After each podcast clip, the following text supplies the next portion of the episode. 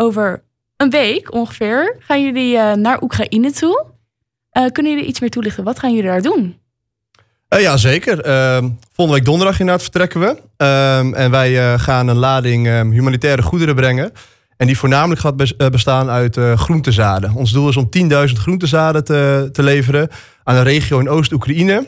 verder hebben we ook nog wat andere spulletjes die we krijgen. Wat medische goederen, wat rantsoenen. En vaak kopen we daar ook nog wat, uh, wat voedsel in als we nog geld over hebben voor donaties. Maar dat is uh, echt nu ons hoofddoel. ja, en dit is niet jullie eerste keer dat jullie naar Oekraïne gaan, toch? Nee, dat klopt. Uh, Peter is al vijf keer geweest. En dit wordt mijn vierde keer.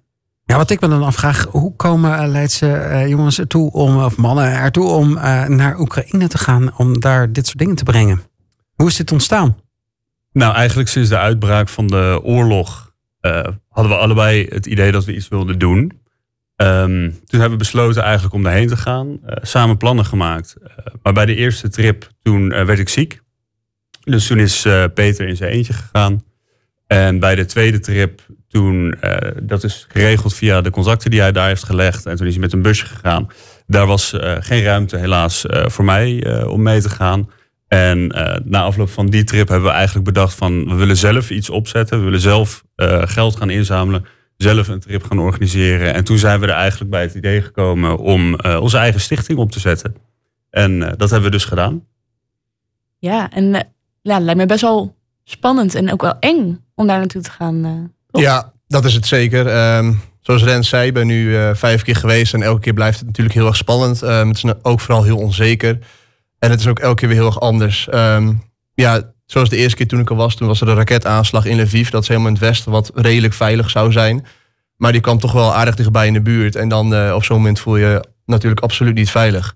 Um, en dus elke keer, ja, het is echt heel spannend. Um, vooral als we dichter bij het front komen, want we proberen toch wel redelijk dicht bij het front te komen, waar de goederen echt nodig zijn.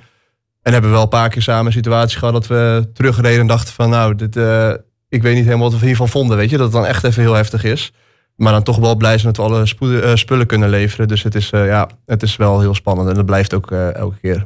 Ja, en toch blijven jullie gaan. Dus dat, dan wint toch een beetje het goede gevoel van de nou, angst. Het is vooral de dankbaarheid die je daarvan de mensen krijgt. En hoe hard het nodig is, dat, dat overwint het echt volledig voor mij.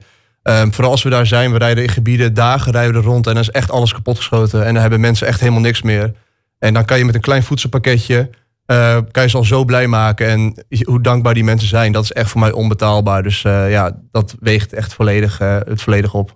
Ja, en helaas is het nog steeds nodig. Want de oorlog raast voort. het gaat wat meer naar de achtergrond toe in het nieuws. Maar de oorlog is nog net zo belangrijk als twee jaar terug bij de uitbraak.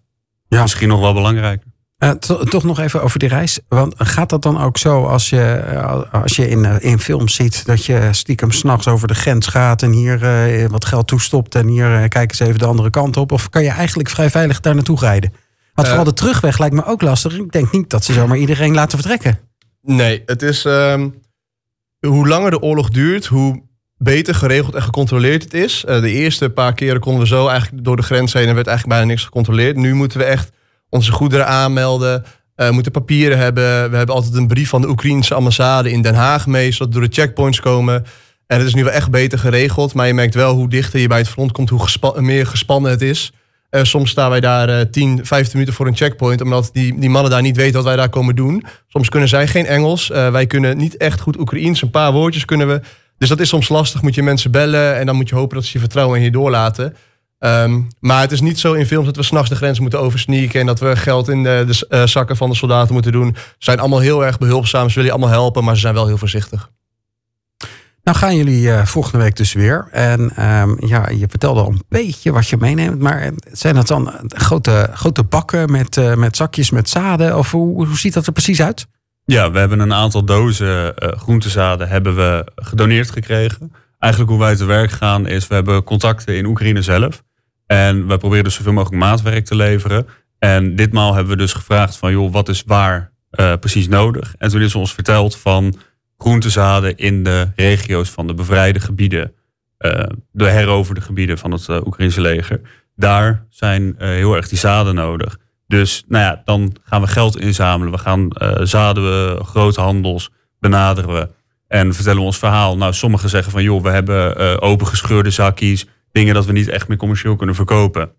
Neem dat mee. En de rest eh, vullen we aan met eh, doneer- gedoneerde geld. Dat kopen we zelf. En waarom brengen jullie zaden? Waarom eh, maak je niet gewoon geld over naar een organisatie die dat daar regelt? Dan hoef je ook niet heen en weer te rijden. Ja, nou, wij, het is ons specifiek gevraagd om dat daar te brengen. En nou ja, wij kennen geen organisatie die dat zo ver bij de getroffen gebieden brengt. De meeste organisaties die hulp bieden, die eh, brengen het naar Polen.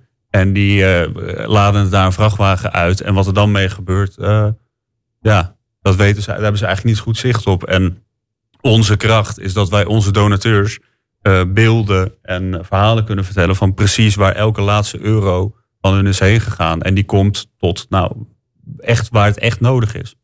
Ja, ja wat nog, nog om aan te vullen wat Rens dus ook zei. Bij ons zie je, ehm, wij kopen de spullen, wij zien dat, laten dat zien op onze Instagram, op YouTube. Wij kopen het, wij brengen het er persoonlijk heen en overhandigen het persoonlijk.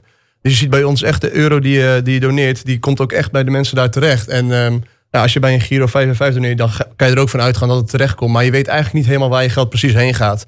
En bij ons laten we dat volledig zien. We zijn volledig transparant. We zijn ook een ambi-stichting. Ehm, dus onze cijfers publiceren we ook op onze website. Dus ja, je weet echt waar het bij ons naartoe gaat. Nou, je zegt, eh, je, je weet precies wat er met die euro die je doneert gebeurt. Eh, betekent dat ook dat eh, jullie niet een soort van mini-vakantie maken... waarbij je ook nog even wat zaden afgeeft? Nee, dat is absoluut niet het geval. Nee, ja, ik kan je één ding vertellen. Het is daar eh, geen vakantie. Ehm, de voorbereidingen zijn altijd zwaar. ehm, maar als je daar bent, vooral... We zijn alleen maar bezig. De spanning is echt heel intens. S S'nachts met die luchtaanvallen. Luchtlaam gaat af. Je moet naar de schelkuil. Je slaapt weinig. En dicht bij het front. Helemaal als je in de, in de, ehm, in de range bent van de kanonnen daar. Dat is echt heel gespannen. En als we terug zijn, eh, een week, anderhalve week bijkomen. Eh, het, is zeker geen vakantie. Dat, eh, En bovendien zitten we tijdens de trip zitten we tussen de 12 en de 16 uur per dag in de auto. Dus tijd voor vrije tijd, dat hebben we daar eigenlijk absoluut niet. Want inderdaad, we rijden ook op gedoneerd geld. Dus eh, kunnen we dat niet maken naar onze donateurs toe om onze tijd daar niet eh, maximaal efficiënt te benutten. Stel dat mensen zitten te luisteren en die denken... ik wil nog eh, meehelpen. Kan het nog? Zeker, dat kan altijd. Want Hoe? dit wordt niet onze laatste trip. Vertel, hoe kan dat? Jullie- Er kan overgemaakt worden op onze eh, rekening. eh, of via onze GoFundMe. Dat kan je vinden op www.reliefeffortukraine.com. Oké, Ja. en, eh, en hoeveel mensen kunnen jullie met wat jullie nu gaan brengen helpen? Ongeveer. Nou ja, ons doel is dus 10.000 huishoudens voorzien van groentezaden. En we hebben er nu ongeveer, eh, we gaan binnenkort wat halen, bij de 5.000, 6.000. Dus we zijn, eh, ja, we zijn daar nog echt voor eh, aan het werven, geld aan het inzamelen. Want we willen dat doel echt halen.